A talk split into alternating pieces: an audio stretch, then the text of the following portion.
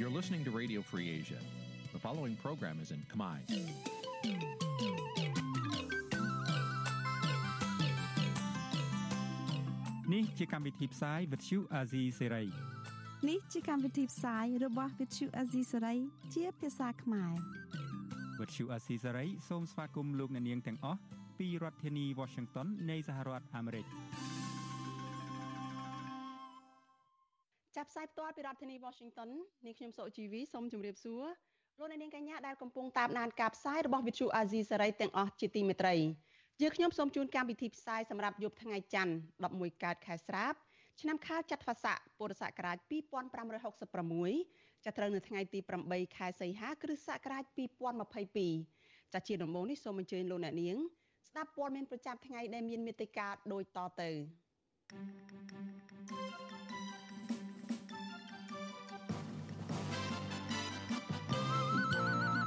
សកម្មជនប្រៃឈើរិះគន់រដ្ឋាភិបាលលោកហ៊ុនសែនថាបំពានលើសំណើព្រះមហាក្សត្រដែលបង្គាប់ឲ្យបញ្ឈប់ការកាប់ព្រៃឈើអង្គការសិទ្ធិមនុស្ស Human Rights Watch ជំរុញឲ្យរដ្ឋាភិបាលជប៉ុនដាក់សម្ពាធលើកម្ពុជាឲ្យបញ្ឈប់ការបង្ក្រាបលើសហជីពនៅ Nagawal ជនជាតិដើមភាគតិចនៅខេត្តព្រះវិហារប្រពៃទិវាសិទ្ធិជនជាតិដើមភាគតិចផ្ដោតលើបញ្ហាស្បៀងអាហារ ពលករខ្មែរម្នាក់ឆក់ខ្សែភ្លើងស្លាប់នៅក្នុងពេលឆ្លងដែនមកពីប្រទេសថៃចូលកម្ពុជារួមនឹងព័ត៌មានសំខាន់សំខាន់មួយចំនួនទៀតចាជាបន្តទៅទៀតនេះនាងខ្ញុំសុជីវីសូមជូនព័ត៌មានទីនេះពិស្ដាចលនានេះជាទីមេត្រីលោកនាយរដ្ឋមន្ត្រីហ៊ុនសែនដែលជាប្រធានបដូវវេនអាស៊ានអះអាងថាអាស៊ានមិនអាចធានាបានឲ្យបាននៅ មិនឲ្យមានទំនាស់និងសង្គ្រាមបានទេប៉ុន្តែអាស៊ានបានដើរតួនាទីបើកចំហ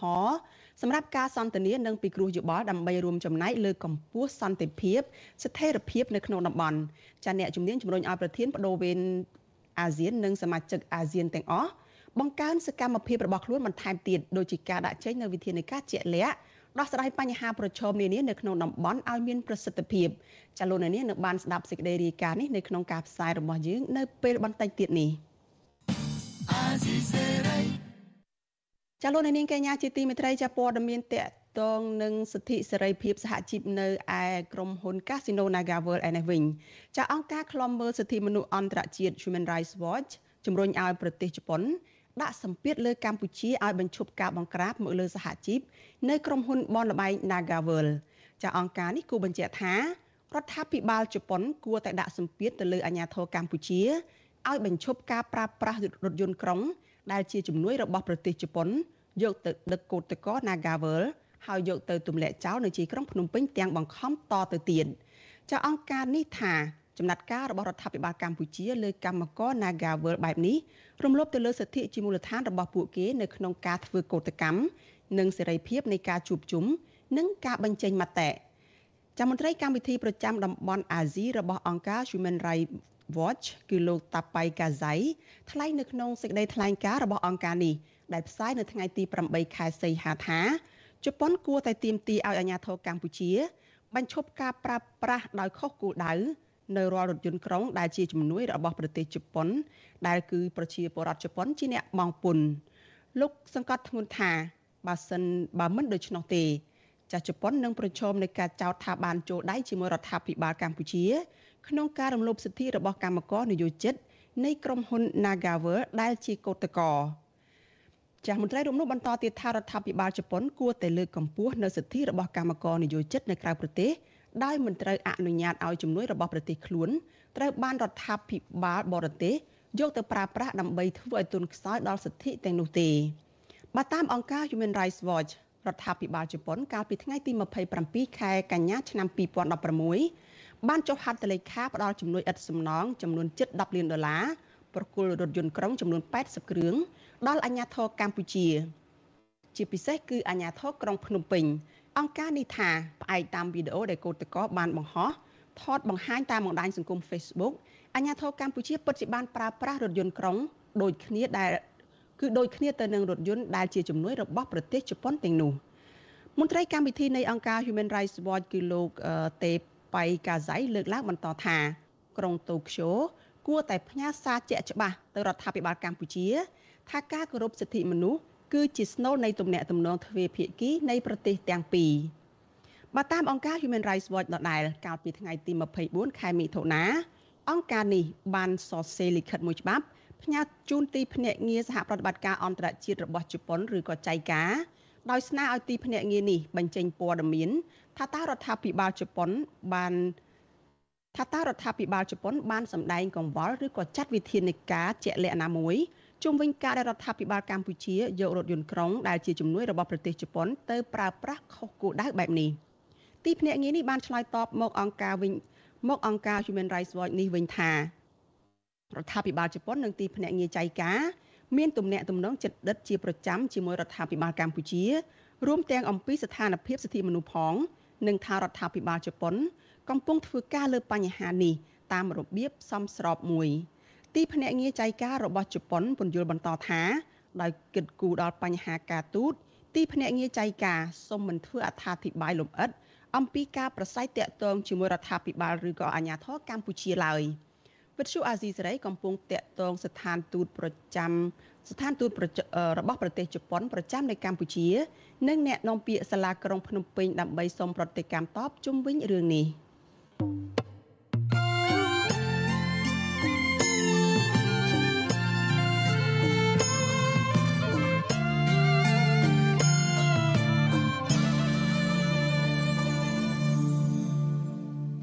ចាលោកនាងកញ្ញាប្រិយមិត្តជាទីមេត្រីចាព័ត៌មាន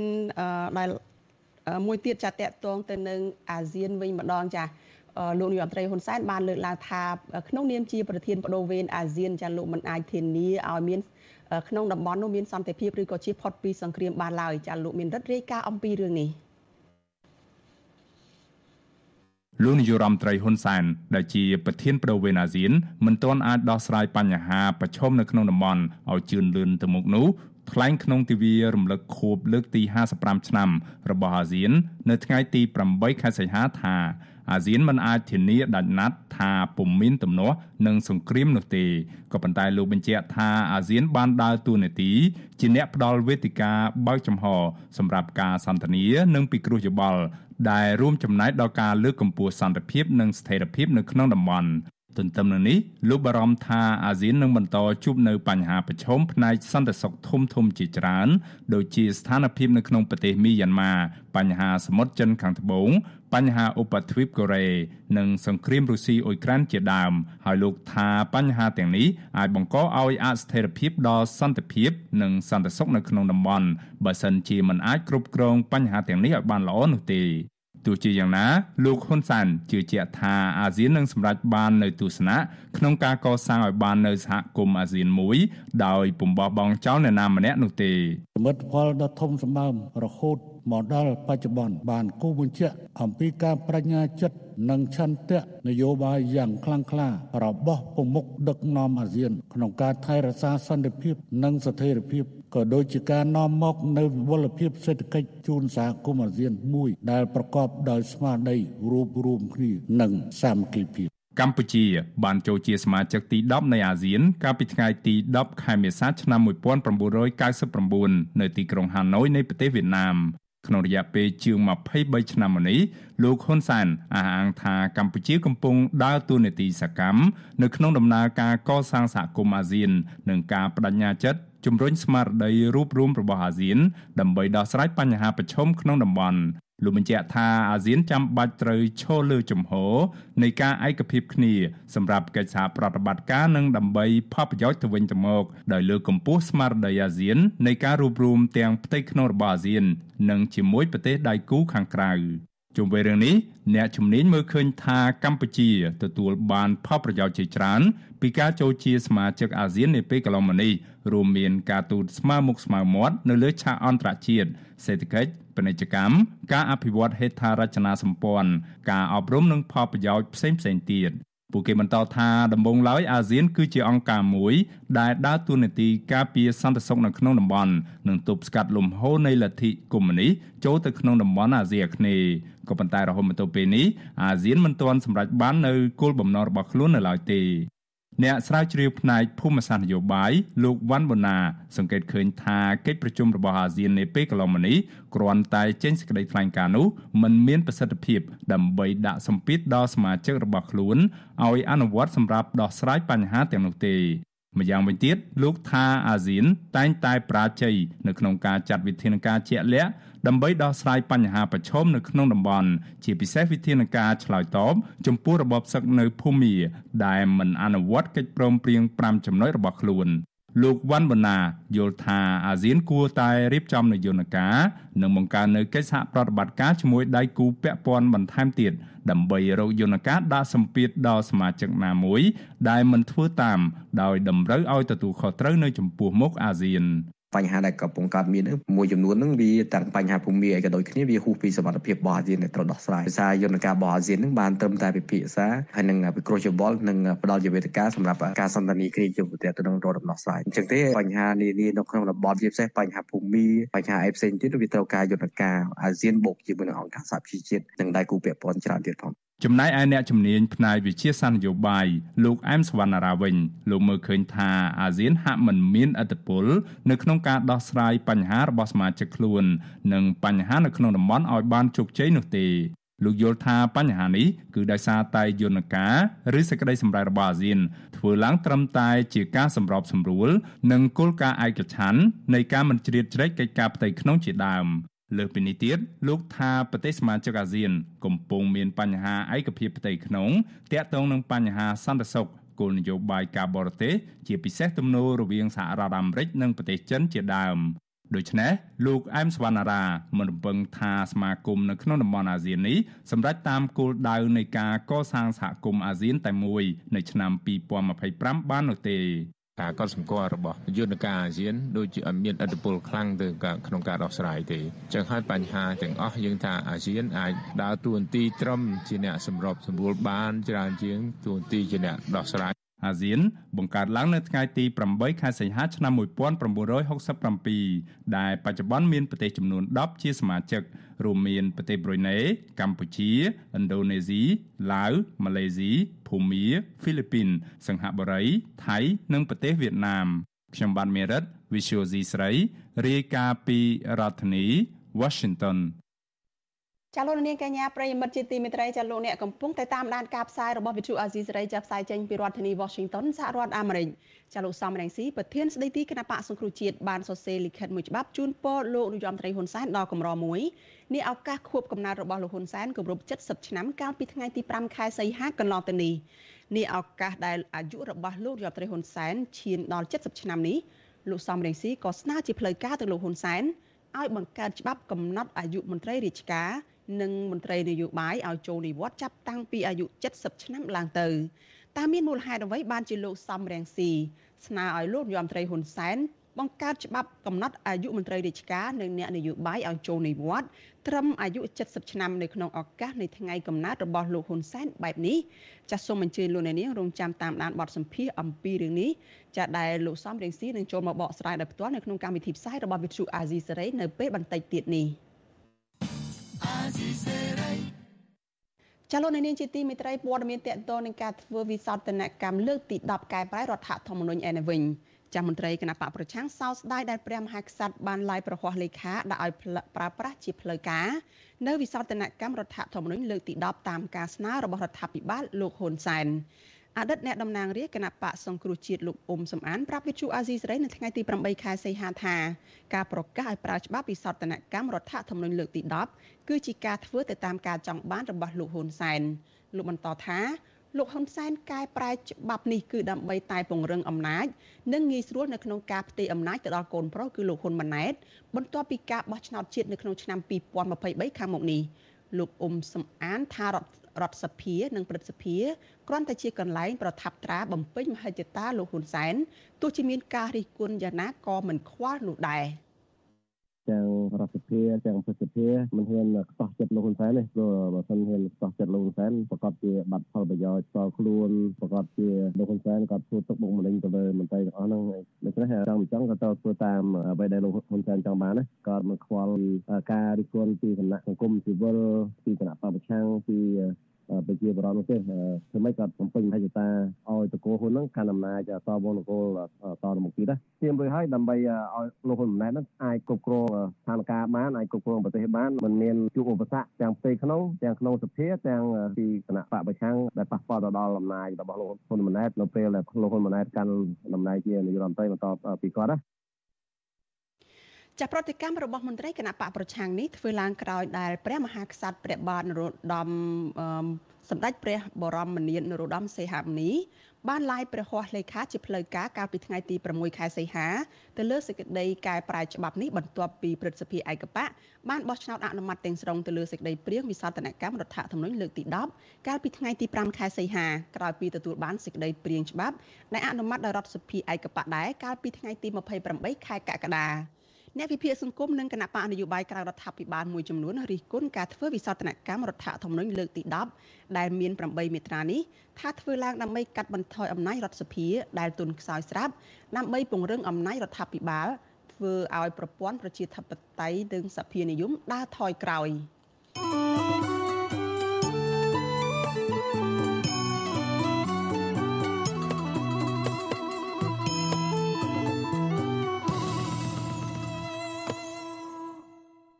ចាលោកនាងកញ្ញាជាទីមេត្រីចាព័ត៌មានតកតលនឹងវិវាទការងារឯនេះវិញចាក្រុមកម្មករនៅរោងចក្រ Kentren Apparel ដែលមានចំនួនជាង200នាក់បាននាំគ្នាទៅតវ៉ានៅក្នុងមុខតុលាការដែលជាសាលាដំបងរាជធានីភ្នំពេញនោះប្រឆាំងនឹងសេចក្តីសម្រេចរបស់តុលាការហើយបានបន្តដាក់លិខិតសុំអន្តរាគមន៍ទៅខុទ្ទកាល័យលោកនាយរដ្ឋមន្ត្រីហ៊ុនសែននៅព្រឹកថ្ងៃទី8ខែសីហានេះចាស់មន្ត្រីសង្គមស៊ីវិលលើកឡើងថាថៅកែដែលបិទទ្វាររោងចក្រដើម្បីគេចវេះពីការទូទាត់ប្រាក់បំណាច់ នៅតែបន្តកើតមានឡើងដោយសារតែអំពើពុករលួយជាប្រព័ន្ធហើយពួកគេក៏ស្នើដល់ថ្នាក់ដឹកនាំរដ្ឋាភិបាលរឹតបន្តឹងច្បាប់ដើម្បីកុំឲ្យថៅកែទាំងនោះបន្តរំលោភច្បាប់ការងារតទៅទៀតចាលោកនាងនឹងបានស្ដាប់សេចក្តីរាយការណ៍នេះនៅក្នុងការផ្សាយរបស់យើងនៅពេលបន្តិចទៀតនេះ ចលនានាងកញ្ញាប្រិមិត្តជាទីមេត្រីព័ត៌មានតកតងនឹងសកម្មជនគណៈបកប្រឆាំងដែលកំពុងជាប់ឃុំឯនេះវិញចាសាច់ញាតិសកម្មជនគណបកសង្គ្រោះជាតិដែលកំពុងជាប់ឃុំនៅពន្ធនាគារព្រៃសរអះអាងថាប្តីរបស់គាត់បានធ្លាក់ខ្លួនឈឺដោយសារតែហូបអាហារគ្មានជីវជាតិហើយមន្ទីរឃុំឃាំងតូចចង្អៀតគ្មានទឹកប្រើប្រាស់គ្រប់គ្រាន់និងទីកន្លែងខ្វះអនាម័យ សាច់ញាតិស្នើឲ្យតុលាការដោះលែងក្រុមគ្រួសាររបស់ពួកគាត់មកវិញព្រោះតុលាការបានកាត់ទោសដាក់ពន្ធនាគារទាំងអយុត្តិធម៌ទៅលើសកម្មជនគណបកសង្គ្រោះជាតិទាំងនោះ។ចាសាច់ញាតិរបស់សកម្មជនគណៈបកភ្លើងទៀនបារម្ភពីសុខភាពប្តីព្រោះមន្ត្រីពន្ធនាគារមិនបានយកចិត្តទុកដាក់ចាស់គឺនៅឯពន្ធនាគារព្រៃសរនោះមិនបានយកចិត្តទុកដាក់ផ្ដល់ម្ហូបអាហារឲ្យបានសមរម្យដល់ជនជាប់ឃុំទាំងនោះទេនិងគ្មានថ្នាំព្យាបាលជំងឺដល់ជនជាប់ឃុំឲ្យបានត្រឹមត្រូវឡើយ ប្រពន្ធរបស់សកម្មជនគណៈបកសង្គ្រោះជាតិកំពុងជាប់ឃុំគឺលោកយឹមសារ៉េតគឺអ្នកស្រីអុកចន្ទធីប្រាប់វិទ្យុអាស៊ីសេរីនៅរសៀលថ្ងៃទី8ខែសីហាថាលោកស្រីបានទៅសួរសុខទុក្ខប្តីនៅក្នុងពន្ធនាគារព្រៃសរកាលពីអាទិត្យមុនហើយបានឃើញថាប្តីរបស់លោកស្រី បានត្អូញត្អែពីទុក្ខលំបាកនៅក្នុងពន្ធនាគារគឺមានអាហារបរិភោគនោះមិនសូវមានជីជាតិដោយសារតែ ភាគច្រើនគឺប្រភេទម្ហូបស្ងោរល្ហុងនិងត្រឡាចហើយពេលខ្លះសម្លមានក្លិនឆ្អាបនិងខ្វះអនាម័យធ្វើឲ្យប្តីរបស់លោកស្រីហូបមិនបានលោកស្រីបន្តថាអាហារដែលមន្ត្រីពន្ធនាគារព្រៃសរយកមកឲ្យអ្នកជាប់ឃុំហូបគឺមិនស្មើនឹងបាយដែលគេដាក់ឲ្យជ្រូកស៊ីផងលោកស្រីបន្តថាប្តីរបស់លោកស្រីមានសុខភាពទ្រុឌទ្រោមហើយចេះតែត្អូញត្អែថាឈឺក្បាលឈឺចុកចាប់ពេញដៃជើងនិងឈឺភ្នែកម្ខាងមើលមិនឃើញហើយពេលយប់សម្រានមិនលក់ ព្រោះមានសម្លេងរំខានពីវិទ្យុសកម្មនៅក្នុងពន្ធនាគារលោកស្រីស្នើសុំតុលាការដោះលែងឬក៏បន្ធូរបន្ថយទោសដល់សកម្មជនគណបកសង្គ្រោះជាតិទាំងអស់ព្រោះពួកគាត់មិនមានទោសដោយការចោទប្រកាន់របស់តុលាការនោះឡើយ។ ខុសតាងដែលតឡាការដាក់បង្ហាញមកគឺអត់មានអ្វីថាជាក់លាក់ខុសតាងដោយចោតប្រកាន់ក្រុមគ្រួសារខ្ញុំថារួមគំនិតក្បត់ទៅរួមគំនិតជាមួយលោកប្រធានសំរងស៊ីអីគឺអត់មានខុសតាងអ្វីជាក់លាក់ផងគ្រាន់ជាការចោតប្រកាន់ឲ្យចាក់វីដេអូមកដូចថាពេលគាត់ចាក់វីដេអូមកគឺលោកប្រធានសំរងស៊ីគាត់បង្កើតចលនាសង្គ្រោះជាតិនៅក្រៅប្រទេសនោះសោះហើយក្រុមគ្រួសារពួកខ្ញុំអត់មានដំណាក់ដំណងអីទេ ចចាវិទ្យុអាស៊ីសេរីនៅមិនទាន់អាចតាក់ទងសុំការអធិប្បាយជុំវិញបញ្ហានេះពីអ្នកនាំពាក្យអគ្គនាយកដ្ឋានពន្ធនាគារលោកនុតលោកនុតសាវណ្ណាបានទេ នៅល្ងាចថ្ងៃទី8ខែសីហាចាដោយទូរស័ព្ទហៅចូលតែពុំមានអ្នកទទួលជុំវិញរឿងនេះនាយកទទួលបន្ទុកទូតនៃអង្គការសិទ្ធិមនុស្សលីកាដូលោកអំសំអាតលើកឡើងថាអ្នកទោសនៅក្នុងពន្ធនាគារគួរតែទទួលបានការព្យាបាលឲ្យបានត្រឹមត្រូវ ព្រោះបើតាមច្បាប់សិទ្ធិមនុស្សគឺពួកគាត់ត្រូវទទួលបានការមើលថែឲ្យបានដិតដល់ដោយមនុស្សទូទៅដែរគឺมันអាចទុកអ្នកទោសដែលឈឺមិនមានការព្យាបាលនោះឡើយលោកបន្តថាអ្នកទោសបាត់បង់តែសិទ្ធិដែលតុលាការបានកំណត់គឺមិនឲ្យពួកគាត់ដើរហើរដោយសេរីតែប៉ុណ្ណោះតែចំពោះចំណីអាហារទីកន្លែងស្នាក់នៅ និងសេវាសុខភាព អ្នកជាប់ឃុំគួរតែទទួលបានដោយសមរម្យ ចំពោះបញ្ហាសុខភាពនេះអឺទោះបីជាជនជាប់ឃុំក៏ដោយគាត់អស់សិទ្ធិតែអ្វីដែលសាលាការធ្វើការដកហូតដូចជាសិទ្ធិដើរហើរហើយសិទ្ធិណាដែលសាលាការដកហូតសិទ្ធិផ្សេងទៀតគឺមានដូចជាបរិបទតីជាពិសេសសិទ្ធិទទួលបានសេវាសុខភាពគឺសេវាព្យាបាលនឹងបាទចាស់អតីតជំទប់ទី1ជាប់ឆ្នោតមកពីគណៈបកសង្គ្រោះជាតិនៅក្នុងឃុំចន្ទ្រីស្រុកក្រមីហែកខេត្តស្វាយរៀងគឺលោកយឹមសារ៉េត ត្រូវអាជ្ញាធរក្រុងភ្នំពេញចាប់ខ្លួនកាលពីព្រឹកថ្ងៃទី27ខែមីនាឆ្នាំ2020នៅពេលដែលលោកកំពុងធ្វើសកម្មធ្វើជាកម្មករសំណង់នៅក្នុងខណ្ឌដង្កោរាជធានីភ្នំពេញបច្ចុប្បន្នលោកយឹមសារ៉េតកំពុងជាប់ពន្ធនាគារព្រៃសរនៅទីក្រុងភ្នំពេញដោយតុលាការចោទប្រកាន់រូបលោកពីបទរួមគំនិតក្បត់និងចោទថាលោកបានគ្រប់គ្រងដំណើរមាតុភូមិនិវត្តរបស់ប្រធានគណៈបកសង្គ្រោះជាតិលោកសំរងស៊ី កាលពីថ្ងៃទី9ខែវិច្ឆិកាចាប់ប្រធានស្ដីទីរបស់គណៈបកសង្គ្រោះជាតិគឺលោកសំរងស៊ី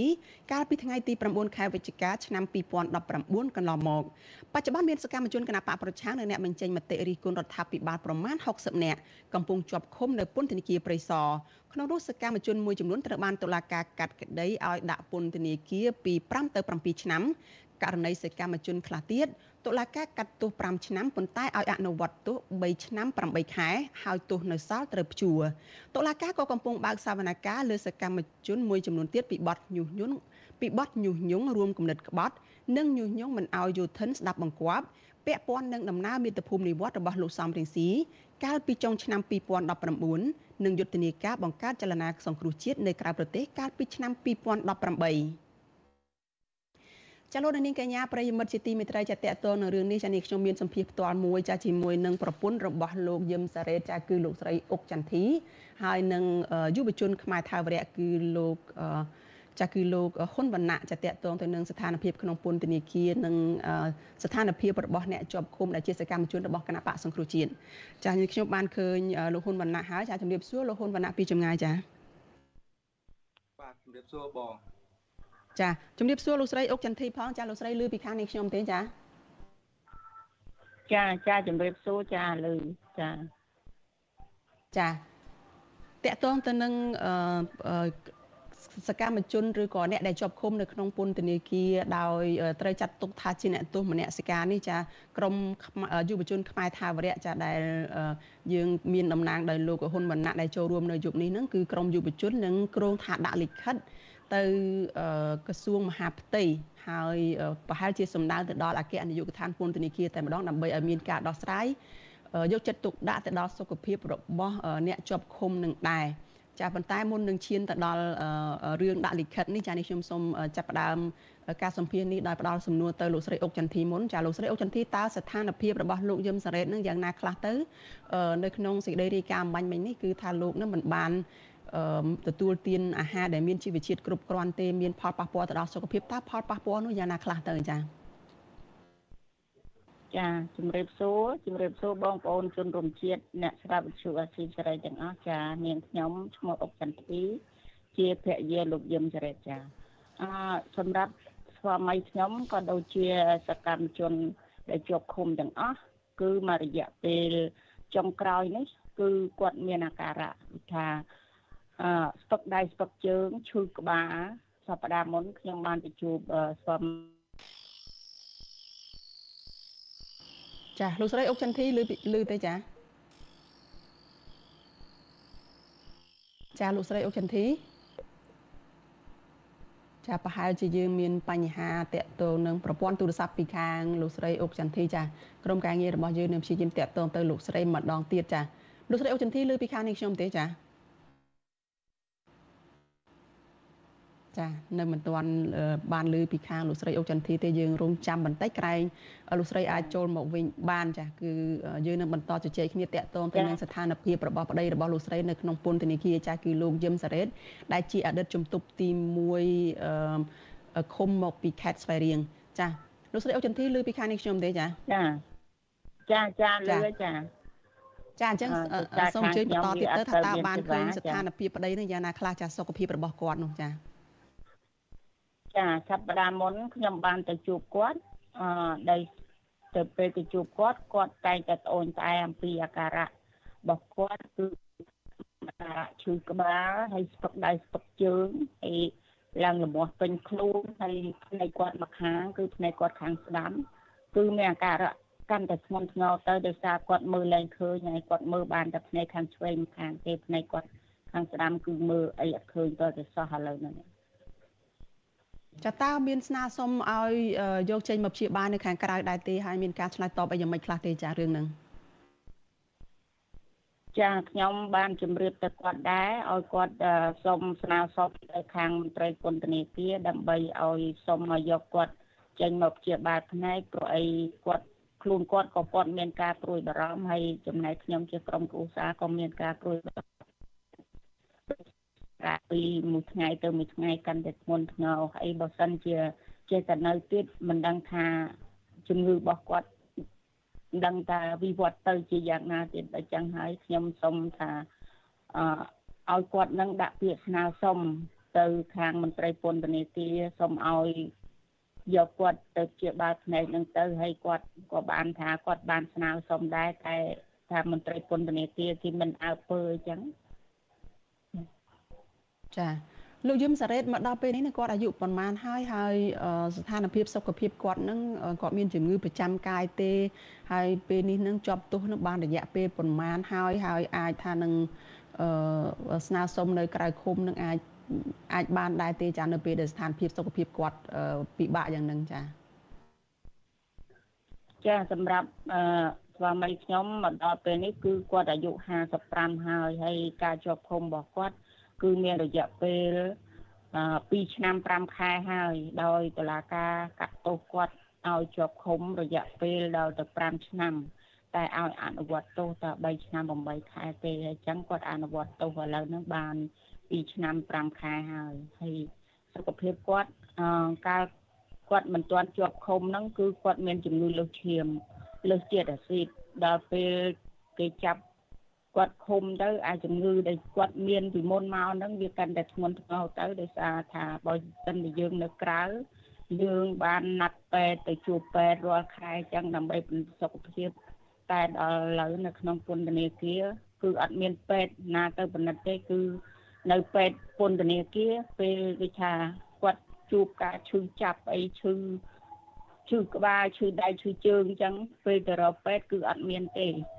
ពេល ក្រុមគ្រួសារទៅម្ដងម្ដងអញ្ចឹងបានឆ្នាំបានទិញឆ្នាំទិញអីទៅឲ្យគាត់ហូបអញ្ចឹងទៅតែអាការៈដែលធ្ងន់ធ្ងរឥឡូវហ្នឹងគឺភ្នែកគាត់គាត់តែម្ដងមិនដឹងថាវិវត្តទៅយ៉ាងណាទីទេគាត់អីគាត់មើលភ្នែកគាត់មើលអត់ឃើញចាចាអញ្ចឹងមានន័យថាពីមុននឹងមានក្រុមគ្រូពេទ្យដែលដែលខាងពន្ធនាគារអាចអនុញ្ញាតឲ្យចូលទៅមើលអ្នកដែលជាប់ឃុំនឹងដែរតែឥឡូវនេះគឺ អត់មានពេទ្យចូលទៅពីក្រៅទៅបានទេមានតែពេទ្យក្នុងពន្ធនាគារចាមានមករយៈពេលកូវីដហ្នឹងគេអត់ឲ្យពេទ្យខាងខ្ញុំក្រុមគ្រួសារហ្នឹងបានស្នើសុំថាសុំឲ្យពេទ្យអង្គការលីកាដូចូលទៅ តែទៅមួយរយៈក្រោយនេះមានអង្គពេទ្យខាងអង្គការលីកាដូគាត់បានចូលទៅមើលដែរគាត់ថាដូចជំងឺភ្នែកអញ្ចឹងខ្ញុំជួបលោកគ្រូពេទ្យ សួរគាត់ដែរថាมันអាចដឹងថាតើភ្នែកគាត់នឹងកើតអ្វីអីអញ្ចឹងដោយសារគាត់ពេលគាត់ទៅជួបពិនិត្យសុខភាពហ្នឹងបានត្រឹមតែពិនិត្យខាងក្រៅมันអាចថាមានម៉ាស៊ីនថតឬយ៉ាងម៉េចឲ្យច្បាស់លាស់ពីភ្នែករបស់គាត់ហ្នឹងណាចាចា ដូច្នេះអ្វីដែលបន្ទាន់ពេលបច្ចុប្បន្ននេះតកតងនឹងសុខភាពរបស់លោកយឹមសារ៉េតសម្រាប់ក្រុមគ្រួសារជាពិសេសលោកស្រីអុកចន្ទធីដែលជាប្រពន្ធនឹងគឺចង់ឲ្យលោកយឹមសារ៉េតអាចចេញមកខាងក្រៅទៅពិនិត្យភ្នែកនៅនៅឯពេទ្យជំនាញហើយនឹងទទួលបានការព្យាបាលត្រឹមត្រូវចាសម្រាប់ខ្ញុំខ្ញុំមានការព្រួយបារម្ភខ្លាំងណាស់គឺខ្ញុំចង់ឲ្យគាត់នឹងចេញបាចេញ មកដើម្បីជាបាភ្នែករបស់គាត់ព្រោះអីខ្លាចទុកដល់ធ្ងន់យូរទៅកាន់តែធ្ងន់ធ្ងរទៅធ្ងន់ធ្ងរទៅព្រោះអីពេលហ្នឹងវារយៈពេលដែលគាត់ឈឺភ្នែកហ្នឹងគាត់ប្រាប់ហ្នឹងប្រហែលជាមួយឆ្នាំទៅហើយដល់ចឹងទៅបើនៅទម្រាំដល់គាត់អនុវត្តទោសបានចប់សពគ្រប់ហ្នឹងគឺរយៈពេលនៅយូរខ្លាំងណាស់ដល់ចឹងខ្ញុំមានការព្រួយបារម្ភមែនទែនគឺខ្ញុំចង់ឲ្យគាត់នឹងដើម្បីមកជាបាលភ្នែករបស់គាត់ជាបន្ទាន់ចា៎ ចាអញ្ចឹងគាត់ឈឺភ្នែកនឹងមួយឆ្នាំមកហើយធ្វើទុករហូតមកមកហើយមកដល់ពេលនេះគឺបើតាមសម្ដីរបស់លោកស្រីអុកចន្ទធីគឺគាត់មើលមិនឃើញទេចាចាចាអរគុណច្រើនលោកស្រីមុនមុនហ្នឹងចាចាសូមជឿរយៈពេលមួយរយៈមុនហ្នឹងគាត់ជាតត្អូនថាឈឺអញ្ចឹងខ្ញុំតែងតែទិញថ្នាំ ទៅឲ្យផ្សំថ្នាំពីគ្រូពេទ្យខាងក្រៅអញ្ចឹងយកឲ្យគាត់លេងហើយមានទិញទាំងថ្នាំបតក់យកទៅឲ្យគាត់ទៀតតែអត់បានធូរស្បើយទេមានតែធ្ងន់ធ្ងរទៅធ្ងន់ធ្ងរទៅចាចាអរគុណច្រើនចាសូមងាកមកលោកហ៊ុនវណ្ណៈវិញចាក្រមយុវជនខ្មែរថាវរៈចាក្រងនឹងដាក់លិខិតតកតងទៅនឹងស្ថានភាពសុខភាពរបស់អ្នកជាប់ឃុំនឹងដែរតើលោកហ៊ុនវណ្ណៈគម្រោងដាក់លិខិតនេះតើផ្ដោតទៅលើអ្វីខ្លះហើយមានគោលបំណងយ៉ាងណាខ្លះចា បាទជំរាបសួរបងពាក់ព័ន្ធនឹងលិខិតដែលក្រមយុវជនខ្មែរថាវរៈនឹងដាក់នៅថ្ងៃស្អែកវេលាម៉ោង1នេះគឺយើងលើកឡើងពីបញ្ហាសុខភាពរបស់លោកពូកុងសំអានដែលគាត់ធ្លាប់តែជាអ្នកទោសម្នាក់ដែលរស់នៅអាគារជាមួយគ្នានឹងពួកយើងហើយអឺដោយសារតែគាត់មានបទចោទដល់12 តែអញ្ចឹងគាត់នៅបន្តឃុំខ្លួនតទៅទៀតហើយបទចោទទី2របស់គាត់នឹងគេគាត់ត្រូវបានគេកាត់ទោសរហូតដល់7ឆ្នាំហើយបើទោះបីជាយើងចេញមុនគាត់ក៏ដោយក៏យើងបានទៅសួរសុខទុក្ខគាត់ហើយក៏បានដឹងដំណឹងថាសុខភាពរបស់គាត់មានបញ្ហាដោយសារគាត់ឈឺធ្មេញអឺឈឺធ្មេញលក្ខណៈធ្ងន់ធ្ងរដែលมันអាចហូបអាហារបាន ហើយពេលដែលយើងជួបគាត់នឹងឃើញសភាពអឺគាត់មានស្រកមានការស្រកគីឡូស្រកគីឡូហើយក៏គាត់បានប្រាប់ថាឈាមគាត់ចាប់ដើមឡើងនឹងហើយយើងបារម្ភថាស្ថានភាពរបស់គាត់នឹងវិវត្តធ្ងន់ធ្ងរអាចអឺពិបាកក្នុងការអឺស្រោចស្រង់ទៅថ្ងៃមុខទៀតអញ្ចឹងយើងក៏បានទៅជែកជាមួយគ្រួសាររបស់ លពូកុងសំអានហ្នឹងថាយើងនឹងរៀបចំជាញត្តិមួយទៅក្រសួងមហាផ្ទៃដើម្បីឲ្យមានការផ្ដល់ដំណោះស្រាយបញ្ជូនគាត់ទៅមន្ទីរពេទ្យខាងក្រៅហើយក្នុងន័យខ្លឹមសារដែលយើងធ្វើនេះគឺយើងមិនផ្ដោតទៅលើលពូកុងសំអានតែម្នាក់ទេគឺយើងចង់ឲ្យមានការយកចិត្តទុកដាក់ពីសំណាក់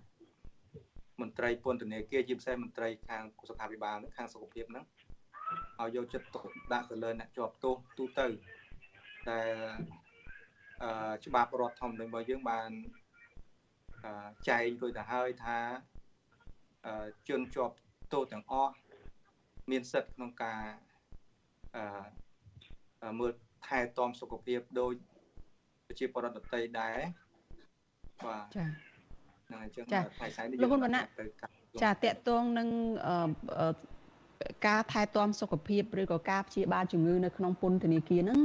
អឺបើតាមសម្ដីរបស់លោកស្រីអុកចន្ទធីគឺប្តីគាត់នោះមានជំងឺភ្នែកហើយថាក្រុមពេទ្យទាំងពេទ្យក្នុងពន្ធនាគារនិងពេទ្យរបស់អង្គការនោះมันអាចជួយព្យាបាលបានទេទាល់តែចេញមកខាងក្រៅហើយស្ថានភាពរបស់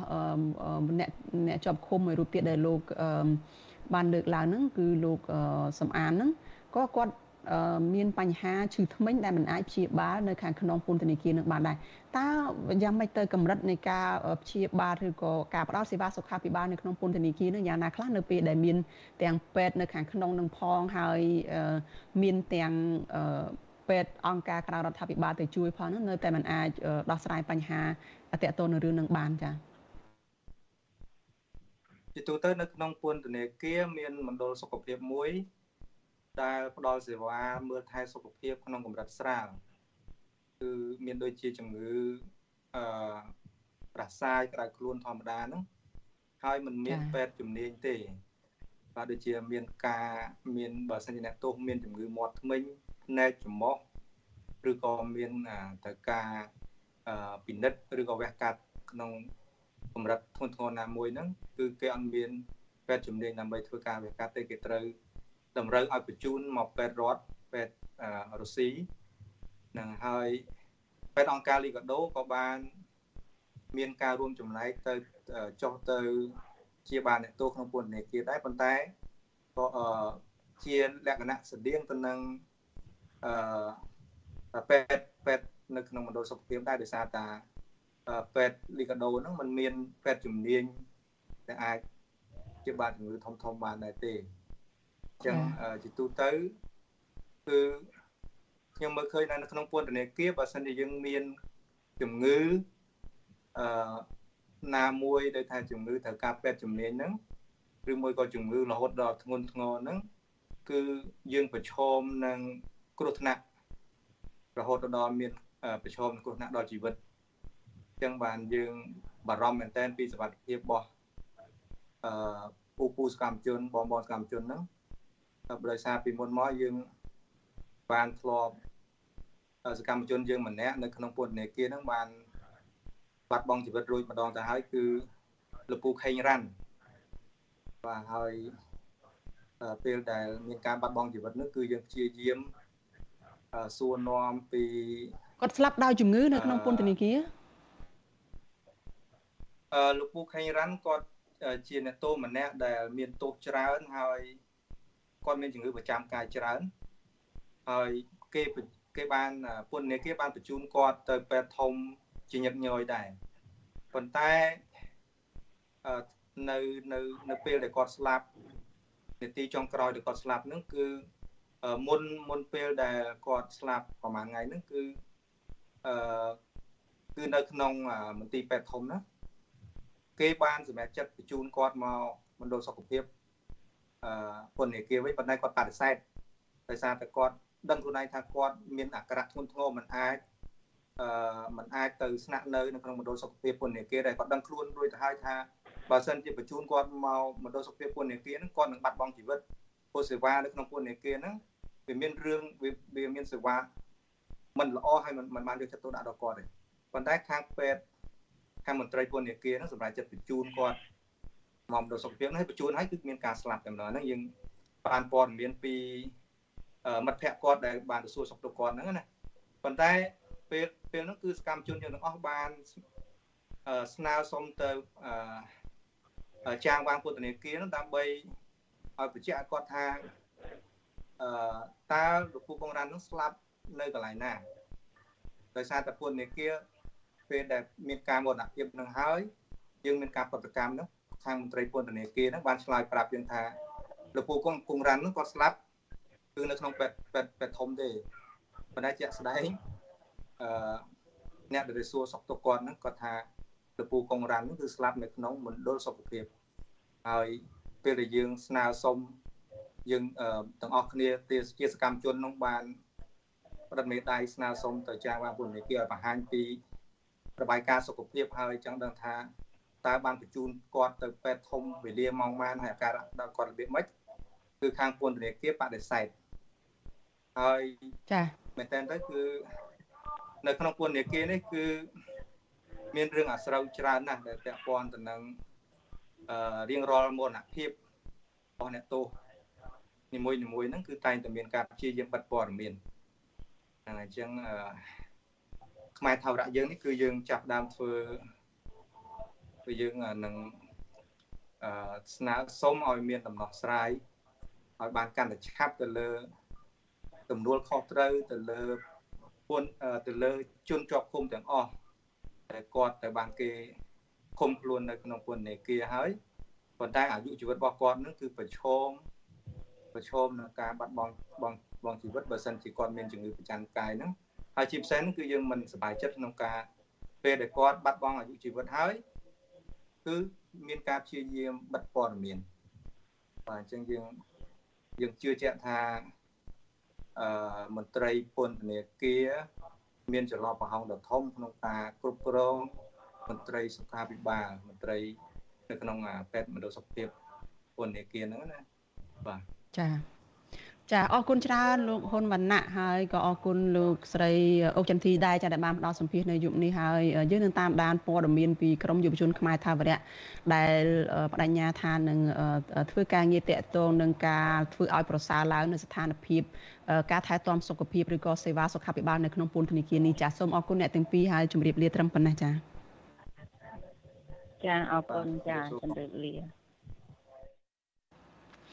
ចាលោកនាងកញ្ញាប្រិយមិត្តជាទីមេត្រីចាព័ត៌មានដាច់ដោយឡែកមួយទៀតគឺក្រុមកម្មករនៅរោងចក្រ Kentharen Apparel ដែលមានចំនួន245នាក់បាននាំគ្នាទៅតវ៉ានៅខាងមុខតុលាការរាជធានីភ្នំពេញប្រឆាំងទៅនឹងសេចក្តីសម្រេចរបស់តុលាការហើយបានបន្តនាំគ្នាទៅដាក់លិខិតសុំអន្តរាគមន៍នៅខុទ្ទកាល័យរបស់លោកហ៊ុនសែននៅព្រឹកថ្ងៃទី8ខែសីហានេះ មន្ត្រីសង្គមស៊ីវិលលើកឡើងថាថៅកែដែលបិទទ្វាររោងចក្រដើម្បីកិច្ចវេះការទូទាត់ប្រាក់បំណាច់នានានោះគឺនៅតែបន្តកើតមានឡើងដោយសារតែអំពើពុករលួយជាប្រព័ន្ធហើយពួកគេក៏ស្នើដល់ថ្នាក់ដឹកនាំរដ្ឋាភិបាលឲ្យរឹតបន្តឹងច្បាប់ដើម្បីកុំឲ្យថៅកែទាំងនោះបន្តរំលោភច្បាប់ការងារតទៅទៀតចាប់ពីរដ្ឋធានី Washington លោកទីនសេការីយ៉ារាយការណ៍ព័ត៌មាននេះតំណាងកម្មកររោងចក្រ Caterian Imperial 245នាក់ បានដាក់ពាក្យសុំអន្តរាគមន៍ពីលោកនាយករដ្ឋមន្ត្រីហ៊ុនសែននៅថ្ងៃទី8សីហានេះដើម្បីទាមទារឲ្យថៅកែរោងចក្របើកប្រាក់ខែចុងក្រោយនិងប្រាក់បំណាច់ផ្សេងផ្សេងដល់កម្មករកម្មកររោងចក្រលោកស្រីសាន់សុផាប្រាប់វិទ្យុអាស៊ីសេរីថាកម្មករទាំងអស់មិនទទួលយកការសម្រេចរបស់សាលាដំបងរាជធានីភ្នំពេញចេញកាលពីថ្ងៃទី3សីហាដែលតម្រូវឲ្យថៅកែរោងចក្រផ្ញើប្រាក់តម្កល់នៅសាលាដំបងតែ20ម៉ឺនដុល្លារនោះបានទេ លោកស្រីថាសម្ភារៈដែលនៅក្នុងរោងចក្រមិនមានតម្លៃគ្រប់សម្រាប់ទូទាត់ប្រាក់ដល់កម្មករឡើយហើយតុលាការបែរជាសម្រេចមិនខាត់ទុកអាគារហាមលក់ដូរបញ្ចាំនិងផ្ទេរកម្មសិទ្ធិដើម្បីទុកជាសំណងប្រាក់ខែនិងផលប្រយោជន៍របស់កម្មករជាង68ម៉ឺនដុល្លារទៅវិញ ខ្ញុំជួយចាប់មកថាបងខ្ញុំខ្ញុំខូចចិត្តហើយខ្ញុំអត់សុខចិត្តនៃការខ្ញុំផលិតឲ្យគាត់ខ្ញុំរកប្រាក់ចំណេញឲ្យគាត់20ឆ្នាំជាងដែលគាត់ចំណេញពីកម្លាំងការខិតខំរបស់ខ្ញុំឲ្យទីបន្តិចគាត់ទៅដោយ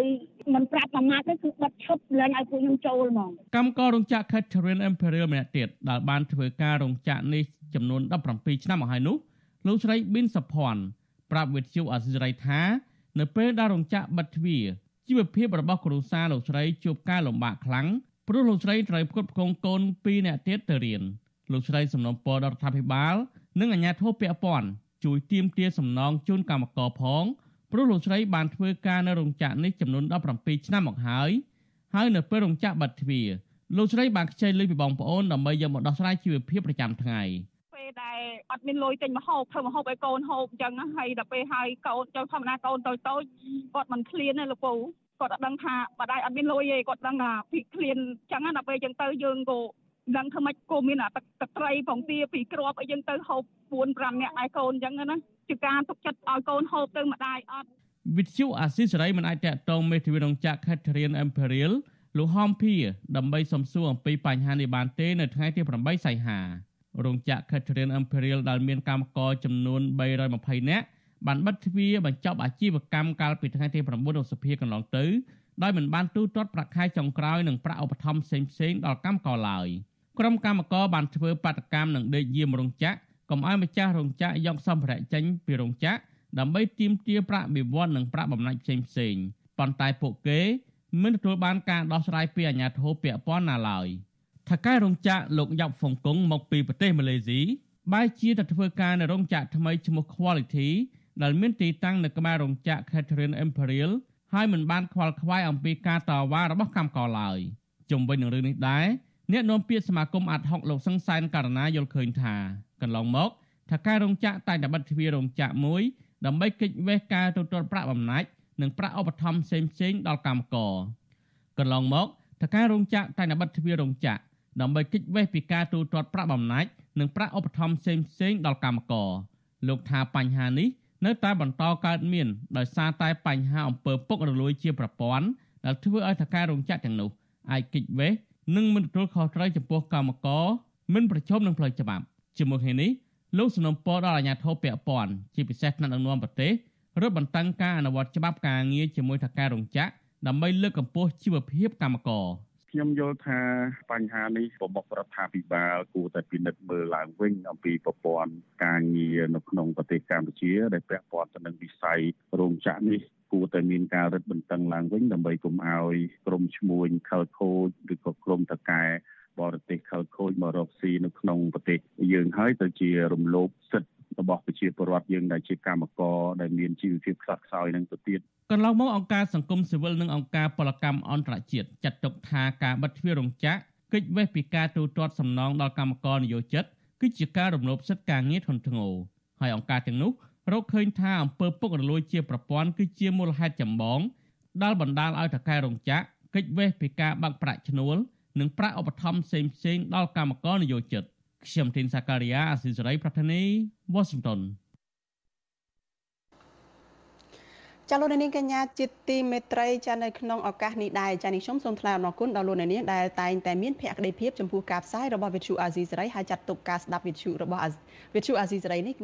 ជាសកម្មភាពប្រចាំថ្ងៃរបស់លោកអ្នកនាងចាការគ្រប់គ្រងរបស់លោកអ្នកនាងនេះហើយដែលធ្វើឲ្យយើងខ្ញុំកាន់តែមានទឹកចិត្តខ្លាំងថែមទៀតនៅក្នុងការស្វែងរកនិងផ្សព្វផ្សាយព័ត៌មានពិតជូនលោកអ្នកនាងចាមានអ្នកស្ដាប់មានអ្នកទស្សនាកាន់តែច្រើនកាន់តែធ្វើឲ្យយើងខ្ញុំមានភាពស្វាហាប់និងមោះមុតជាបន្តទៅទៀត ជាខ្ញុំសូមអរគុណទុកជាមុនហើយសូមអញ្ជើញលោកអ្នកនាងចាចូលរួមជំរុញឲ្យសកម្មភាពផ្សព្វផ្សាយព័ត៌មានរបស់វិទ្យុអាស៊ីសេរីនេះចាកាន់តែជោគជ័យបន្ថែមទៀតចាលោកអ្នកនាងអាចជួយយើងខ្ញុំបានដោយគ្រាន់តែចុចចែករំលែកការផ្សាយរបស់យើងចាតាមរយៈបណ្ដាញសង្គម Facebook និង YouTube ទៅកាន់មិត្តភ័ក្តិរបស់លោកអ្នកនាងចាដើម្បីឲ្យការផ្សាយរបស់យើងនេះបានទៅដល់មនុស្សកាន់តែច្រើន។ ចលនានាងកញ្ញាជាទីមេត្រីព័ត៌មានមួយទៀតចាគឺជនជាតិដើមភាគតិចជាង5អំបូររស់នៅក្នុងខេត្តព្រះវិហារនៅថ្ងៃទី8ខែសីហាបានប្រារព្ធទិវាសិទ្ធិជនជាតិពិភពលោកលើកទី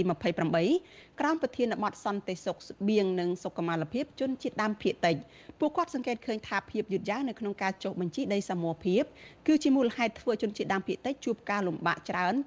ទាំងផ្នែកសេដ្ឋកិច្ចចាដោយសារតែបាត់បង់ដីធ្លីបង្កបង្កើនផលចិញ្ចឹមជីវិតនិងមានចំនួនដីធ្លីរ៉ាំរ៉ៃជាមួយនឹងក្រុមហ៊ុនឯកជនរួមទាំងអ្នកមានអំណាចជាដើមចាលោកជីវិតាមានសេចក្តីរាយការណ៍អំពីរឿងនេះជនជាតិដើមភាគតិចមកពីស្រុកចំនួន5នៃខេត្តព្រះវិហារបានថ្លែងសារបង្ហាញពីបញ្ហាប្រឈមមួយចំនួន ក្នុងទិវាសិទ្ធិជនជាតិដើមភាគតិចអន្តរជាតិដែលប្រពធ្វើក្នុងបរិវេណទីលានតារាងបាល់ទាត់ក្នុងក្រុងព្រះវិហារ ដោយមានមនុស្សចូលរួមជាង400នាក់ពួកគេបង្ហាញក្តីបារម្ភយ៉ាងខ្លាំងពីភាពយឺតយ៉ាវក្នុងការចុះបញ្ជីដីសមរភាពធ្វើឲ្យដីធ្លីនិងព្រៃឈើដែលពួកគាត់អាស្រ័យផលបន្តបាត់បង់ប៉ះពាល់សន្តិសុខស្បៀងនិងសុខុមាលភាពជនជាតិដើមភាគតិចជារៀងរាល់ថ្ងៃតំណាងជនជាតិដើមភាគតិចគួយខេត្តព្រះវិហារលោកស្រីនួនមុំថ្លែងក្នុងទិវានេះថាជនជាតិដើមភាគតិច ត្រូវការអនុផលព្រៃឈើដើម្បីផ្គត់ផ្គង់ស្បៀងអាហារនិងសេដ្ឋកិច្ចប៉ុន្តែក្នុងរយៈពេលប្រមាណឆ្នាំចុងក្រោយនេះពួកលោកស្រីកំពុងប្រឈមបញ្ហាបាត់បង់ព្រៃឈើនិងជីវៈចម្រុះគ្រប់ប្រភេទដោយសារតែបទល្មើសព្រៃឈើនៅតែកើតមានច្រើន បញ្ហានេះនាំឲ្យសេដ្ឋកិច្ចនិងប្រព័ន្ធសន្តិសុខស្បៀងរបស់ជនជាតិដើមភាគតិចថយចុះជារៀងរាល់ថ្ងៃ ហើយអ្នកដែលរងគ្រោះខ្លាំងជាងគេគឺស្ត្រីនិងកុមារ លោកស្រីអំពាវនាវដល់រដ្ឋាភិបាលនិងអាជ្ញាធរពាក់ព័ន្ធឲ្យគិតគូរដោះស្រាយបញ្ហាប្រឈមទាំងនេះសំណូមពរសួរថាបើដំណើរការចុះបញ្ជីដីអូសបន្លាយបើប្រើពេលប្រើពេលវេលាយូរតើសមាជិកសហគមន៍អាចថែរក្សាដីនិងប្រៃបានគង់វង្សទេនេះជាបញ្ហាចម្បងប៉ះពាល់ប្រព័ន្ធស្បៀងអាហាររបស់សមាជិកសហគមន៍ជនជាតិដើមភាគតិចយើងខ្ញុំ ជនជាតិដើមភាគតិចចូលរួមកម្មវិធីនេះមាន5អំបូររួមមានជនជាតិដើមភាគតិចគួយពួរស្ទៀងភ្នងនិងក្រឹងសរុបជាង400នាក់ដែលមកជួបជុំគ្នានៅទីលានតារាងបាល់ទាត់ក្នុងក្រុងព្រះវិហារនៅព្រឹកថ្ងៃទី8ខែសីហានេះអ្នកភូមិបានរៀបចំតាំងបង្ហាញម្ហូបអាហារផ្លែឈើបន្លែនិងស្រា ដើម្បីសែនព្រេនបែបប្រពៃណីជនជាតិដើមភាគតិច ដែលជាស្បៀងអាហារយ៉ាងសំខាន់របស់ពួកគេពួកគាត់រៀបចំពេញមួយព្រឹកដើម្បីអបអរសាទរសិទ្ធិជនជាតិដើមភាគតិចលើកទី18នៅកម្ពុជា និងជាខួបលើកទី28នៅលើពិភពលោកតំណាងសហគមន៍ជនជាតិដើមភាគតិចភូមិប្រមេ លោកសុតសាវនប្រាប់វិទ្យុអាស៊ីសេរីថា ការអូសបន្លាយពេលចុះបញ្ជីដីសមរភាពរបស់អាជ្ញាធរ គឺជាការផ្ដល់ឱកាសឲ្យក្រុមហ៊ុនបន្តរំលោភបំពានដីសមរភាពរបស់ពួកគាត់ជាង1000ហិកតាស្ទើរតែទាំងស្រុងធ្វើឲ្យអ្នកភូមិលំបាកវេទនាខ្វះខាតដីបង្កបង្កើនផលលោកបន្ថែមថាទីកន្លែងដែលពួកលោកធ្លាប់ប្រមូលអនុផលព្រៃឈើយ៉ាងសុខសាន្តរកត្រីសាច់បន្លែ និងកន្លែងគោរពបូជា មកទល់ពេលនេះបានคล้ายជាចំការអំពៅរបស់ក្រុមហ៊ុនចិនមួយផ្នែកធំ ដែលនៅមិនទាន់ដោះស្រាយរួចនៅឡើយទេជិត10ឆ្នាំមកហើយដែលមិនទាន់មានប្លង់មានអីគេអត់ធានាឲ្យគេអត់ដូចថាមានចំនួនខុសត្រូវទេថាដោយសារថាយើងមិនទាន់មានការចុះបញ្ជីដីជាកម្មសិទ្ធិសមភាពកាលណាតែយើងមិនទាន់មានការចុះបញ្ជីដីជាកម្មសិទ្ធិសមភាពវានៅមានការបញ្ហាប្រឈមជាមួយនឹងការបាត់បង់ដីធ្លីហើយនឹងសុខុមាលភាពនឹងជាពិសេសគឺស្បៀងនឹងតែម្ដងបាទតាក់ទងនឹងបញ្ហានេះ អនុប្រធានមន្ទីរអភិវឌ្ឍជនបទខេត្តព្រះវិហារលោកឈុនប៊ុនថេន បានថ្លែងក្នុងទិវានេះដោយជំរុញឲ្យជនជាតិដើមភាគតិចទាំងអស់ត្រូវលើកកម្ពស់វប្បធម៌ជនជាតិដើមភាគតិចដោយខ្លួនឯងដោយត្រូវថែរក្សានិងអភិរក្សវប្បធម៌ប្រពៃណីដូចជាការប្រើប្រាស់ភាសាធ្វើយ៉ាងណាត្រូវកំណត់អត្តសញ្ញាណរបស់ខ្លួនឲ្យច្បាស់កុំឲ្យមានការខ្មាស់អៀនលោករីករាយនឹងអបអរសាទរចំពោះការប្រពៃទិវានេះរបស់ជនជាតិដើមភាគតិច និងក្រុមអង្គការសង្គមស៊ីវិលដើម្បីលើកកម្ពស់សិទ្ធិជនជាតិដើមភាគតិចចំណែកមន្ត្រីសង្គមស៊ីវិលសង្កេតឃើញថាយន្តការដោះស្រាយបញ្ហាប្រឈមរបស់អាជ្ញាធររដ្ឋាភិបាល នៅខ្វះចន្លោះច្រើនធ្វើឲ្យជនជាតិដើមភាគតិចមិនទាន់ទទួលបានភាពកក់ក្ដៅពេញលេញតាក់ទងនឹងវិធានការសវត្ថភាពដីធ្លីនិងព្រៃឈើស្របតាមច្បាប់ភូមិបាល និងអនុក្រឹត្យលេខ83របស់រដ្ឋាភិបាលជុំវិញរឿងនេះ នាយកប្រតិបត្តិអង្គការពន្លកខ្មែរលោកពឹកសុភ័ណ្ឌមើលឃើញថា ការប្រពៃទិវានេះ មានឧបសគ្គរអាក់រអួល ដោយសារអាជ្ញាធរខេត្តហាក់គ្មានចេតនាសម្រួលឲ្យទិវានេះដំណើរការបានទូលំទូលាយឡើយលោកបញ្ជាក់ថាអាជ្ញាធរពាក់ព័ន្ធថ្នាក់ខេត្តស្ទើរតែទាំងអស់មិនបានចូលរួមក្នុងកម្មវិធីនេះទេលោកជំរុញឲ្យរដ្ឋាភិបាលគួរតែកំណត់អត្តសញ្ញាណជនជាតិដើមភាគតិចឲ្យបានគ្រប់តំបន់ និងលើកកម្ពស់ការយល់ដឹងដល់អាជ្ញាធរនិងមន្ត្រីឲ្យបានច្រើនតាក់ទងនឹងសិទ្ធិរបស់ពលរដ្ឋដាក់ពាក្យជូនតំណែងនិងអញ្ជើញដល់អាជ្ញាធរខេត្តមានការតានតឹងលំបាកអាជ្ញាធរហាក់ដូចជាមិនមានចេតនាចង់សម្រួលដល់ការប្រារព្ធទិវានេះទេ សហគមន៍ជនជាតិដើមភាគតិចបន្ថែមថាអាជ្ញាធរថ្នាក់ក្រោមជាតិ តែងតែមិនអើពើចេញដីការក្សាការពារដីធ្លីជូនប្រជាពលរដ្ឋស្របតាមអនុក្រឹត្យលេខ83របស់រដ្ឋាភិបាល ដែលជាហេតុផ្ដល់ឱកាសឲ្យក្រុមហ៊ុនបន្តរំលោភបំពានដីសមរភាព ដែលអ្នកភូមិបានស្នើសុំចុះបញ្ជីនិងអាស្រ័យផលបែបប្រពៃណីលើសពីនេះការផ្ដល់ដីសម្បត្តិសេដ្ឋកិច្ចរបស់រដ្ឋាភិបាល គឺជាដើមហេតុនាំឲ្យប្រជាពលរដ្ឋបាត់បង់ដីធ្លីនិងស្រែចម្ការ ប៉ះពាល់សិទ្ធិរស់នៅនិងប្រពៃណីវប្បធម៌របស់ជនជាតិដើមភាគតិចរីឯការមិនអនុវត្តច្បាប់ព្រៃឈើឲ្យមានប្រសិទ្ធភាពគឺជាវិបត្តិសង្គមមួយទៀតបណ្ដាលឲ្យជនជាតិដើមភាគតិចងាយនឹងប្រឈមបញ្ហាជីវភាពធ្ងន់ធ្ងររួមមានការប្រែប្រួលអាកាសធាតុបាត់បង់ដីចម្ការវិលជុំការកាប់បំផ្លាញដើមឈើផលិតជ័រទឹក ឬព្រៃស្រោងជាជំរកសត្វនិងបាត់បង់ទឹកអូរស្ទឹងដែលជាប្រភពប្រាក់ចំណូលនិងសន្តិសុខស្បៀង ខ្ញុំជីវិតាអាស៊ីសេរីចាលោកនាងកញ្ញាជាទីមេត្រីចាសេចក្តីរាយការណ៍ពីព្រំដែនកម្ពុជាថៃឯណោះឲ្យដឹងថាពលករខ្មែរម្នាក់នៅក្នុងខេត្តបន្ទាយមានជ័យ បានឆក់ចរន្តអគិសនីស្លាប់នៅក្នុងពេលដែលឆ្លងដែនតាមច្រករបៀងពីប្រទេសថៃមកកម្ពុជា សង្គមស៊ីវិលព្រួយបារម្ភពីហានិភ័យរបស់ពលករនៅក្នុងការឆ្លងដែនដោយខុសច្បាប់ទៅប្រទេសថៃនេះចាពលករខ្មែរម្នាក់ដែលរស់នៅជាប់ព្រំដែននៅក្នុងខេត្តបន្ទាយមានជ័យម្នាក់បានបាត់បង់ជីវិតដោយសារតែឆក់ចរន្តអគិសនីខណៈដែលបានចុះទៅលាងដៃលាងជើងនៅក្នុងប្រឡាយទឹកក្រោយពេលចេញពីធ្វើការនៅប្រទេសថៃឆ្ពោះមកកម្ពុជាវិញ ហេតុការណ៍នេះធ្វើហេតុការណ៍នេះកើតឡើងនៅក្នុងស្រុកតាប្រយ៉ាខេត្តស្រះកែវនៅប្រទេសថៃគឺជាប់នឹងព្រំដែនខេត្តបន្ទាយមានជ័យក្នុងប្រទេសកម្ពុជា ហើយកើតឡើងកាលពីថ្ងៃទី5ខែថ្ងៃទី7ខែសីហាកន្លងទៅក្រោយពីពេលកើតហេតុប្រពន្ធកូននិងទីហ៊ានឈុតខ្មៅថៃបានបញ្ជូនជនរងគ្រោះទៅសង្គ្រោះនៅមន្ទីរពេទ្យនៅក្នុងស្រុកតាប្រយ៉ាប៉ុន្តែខាងក្រមគ្រូពេទ្យបញ្ជាក់ថាជនរងគ្រោះបានស្លាប់បាត់ទៅហើយ សពជនរងគ្រោះត្រូវបានទាហានឈុតខ្មៅថៃបញ្ជូនមកប្រទេសកម្ពុជាវិញដើម្បីប្រគល់ជូនក្រុមគ្រួសារចាស្នងការរងទទួលបន្ទុកកិច្ចការព្រំដែនគឺលោកអ៊ុំសុផលលោកប្រាវិទ្យុអាស៊ីសេរីនៅថ្ងៃទី8ខែសីហាថា លោកតែងតែណែនាំនិងហាម5ពលរដ្ឋដែលមានលំនៅនៅជាប់តាមព្រំដែនថាកុំឲ្យឆ្លងដែនខុសច្បាប់ទៅធ្វើការនៅប្រទេសថៃលោកបន្តថាពលរដ្ឋមានផ្ទះជាប់ព្រំដែនតែងតែមានទំនាក់ទំនងជាមួយនឹងពលរដ្ឋថៃនិងលបឆ្លងដែនទៅមកដែលជាបញ្ហាមួយពិបាកគ្រប់គ្រង។ ផ្ទះគាត់នៅព្រំដែនបណ្ដោយផ្ទះគាត់នៅជាប់ព្រំដែននឹងឯងតែមាត់អូងឯងអញ្ចឹងគាត់ចេញចូលតាមអំពើចិត្តគាត់ទៅធ្វើការទៅទៅអាំងគាត់ស្គាល់ថៃគាត់ចេញពីផ្ទះគាត់ទៅដល់ថៃហ្នឹងហើយដល់ពេលធ្វើការសួរសួរទៅថាមិនអត់ខ្លះគាត់ថាឆក់ខ្សែភ្លើងពួនថាអញ្ចឹងគាត់យកមកបូជាងផ្ទះគាត់ជាប់មាត់អូងជាប់មាត់ព្រំដែនហ្នឹង ចាដោយសារតែគ្មានការងារធ្វើក្នុងស្រុកដែលជាស្រុកកំណើតរបស់ខ្លួនឯងពលរដ្ឋខ្មែរតែងតែឆ្លងដែនទៅរកការងារធ្វើនិងស៊ីឈ្នួលគេនៅក្នុងប្រទេសថៃពលករធ្វើការនៅប្រទេសថៃលោករ៉ាត់យ៉េនថ្លែងថាការឆ្លងដែនតាមច្រករងបៀងគឺមានការលំបាកនិងប្រឈមគ្រោះថ្នាក់ខ្លាំងដោយធ្វើដំណើរតាមព្រៃពី3ថ្ងៃនិងពេលខ្លះតម្រូវឲ្យស្នាក់នៅក្នុងព្រៃអាស្រ័យទៅលើមេខ្យល់ទៅលើមេខ្យល់ដែលជាអ្នកដឹកនាំលោកបន្តថាពលករពលករខ្លះ ជួបនឹងការកេងប្រវ័ញ្ចនិងឆោបបោកពីមេខ្យល់និងការគៀបសង្កត់ពីថៅកែមួយចំនួន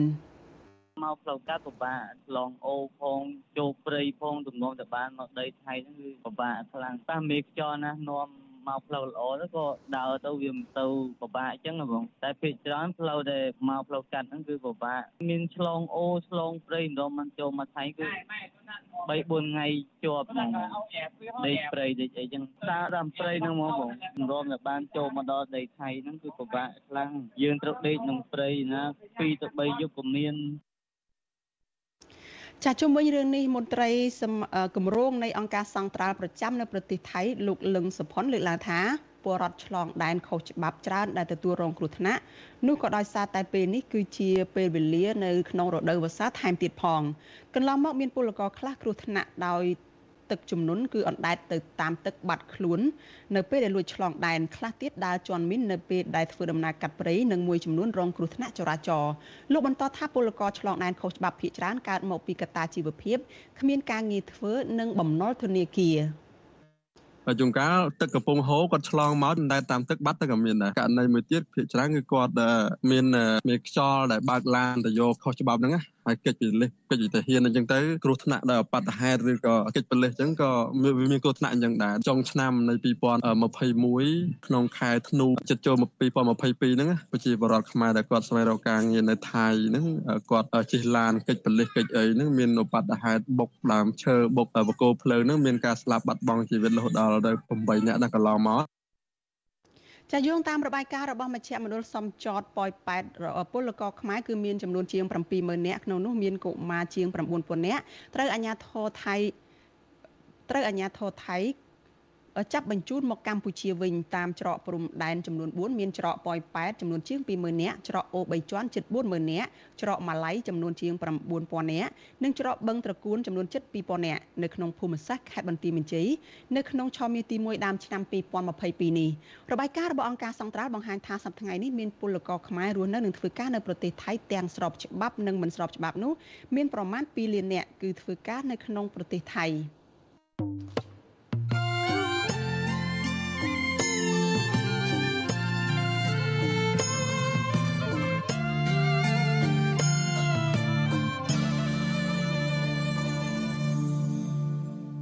ចាលោកនាងកញ្ញាប្រិយមិត្តជាទីមេត្រីចាចំពោះលោកនាងដែលកំពុងតែតាមដានការផ្សាយរបស់វិទ្យុអាស៊ីសេរីចាតាមរយៈវិទ្យុរលកធាតុអាកាសខ្លីចាលោកនាងមិនបានឮការផ្សាយរបស់យើងតទៅទៀតទេប៉ុន្តែចំពោះលោកនាងដែលកំពុងតែតាមដានការផ្សាយរបស់យើងនៅលើបណ្ដាញសង្គម Facebook និង YouTube ចាសូមបន្តតាមដានការផ្សាយរបស់យើងនេះតទៅទៀតចានៅក្នុងកម្មវិធីជាបន្តទៅទៀតនេះចាលោកទីនសការីយ៉ានឹងចូលមក សម្ភារផ្ទាល់ជាមួយនឹងប្រធានស្ដីទីគណៈបកសង្គ្រោះជាតិគឺលោកសំរងស៊ីចាដែលនឹងជជែកថាតើមានមូលហេតុអ្វីបានជាលោកសំរងស៊ីស្នើឲ្យលោកនាយរដ្ឋមន្ត្រីហ៊ុនសែនបង្កើតច្បាប់កំណត់អាយុមន្ត្រីរាជការនិងមន្ត្រីនយោបាយឲ្យចូលនិវត្តន៍ត្រឹមអាយុ70ឆ្នាំ នៅក្នុងឱកាសដែលប្រពខួបកំណើតអាយុ70ឆ្នាំរបស់លោកហ៊ុនសែន ចាសសូមអញ្ជើញលោកអ្នកនាងតាមដានកិច្ចសម្ភាសនេះជាមួយនឹងលោកទីនសាការីយ៉ាដូចតទៅចាសនេះខ្ញុំសុជីវីសូមអរគុណនិងសូមជម្រាបលា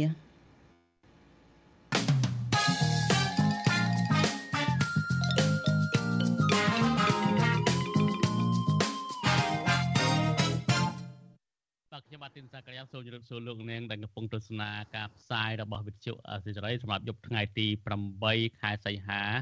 ឆ្នាំ2022នេះជាទីមេត្រីបាទដោយដានអ្នកស្រីសុតជីវីបានជម្រាបជូនអំបញ្ញមិញអញ្ចឹងនៅវគ្គបន្ទាប់នេះយើងមានវាគ្មិនពិសេសមួយរូបគឺ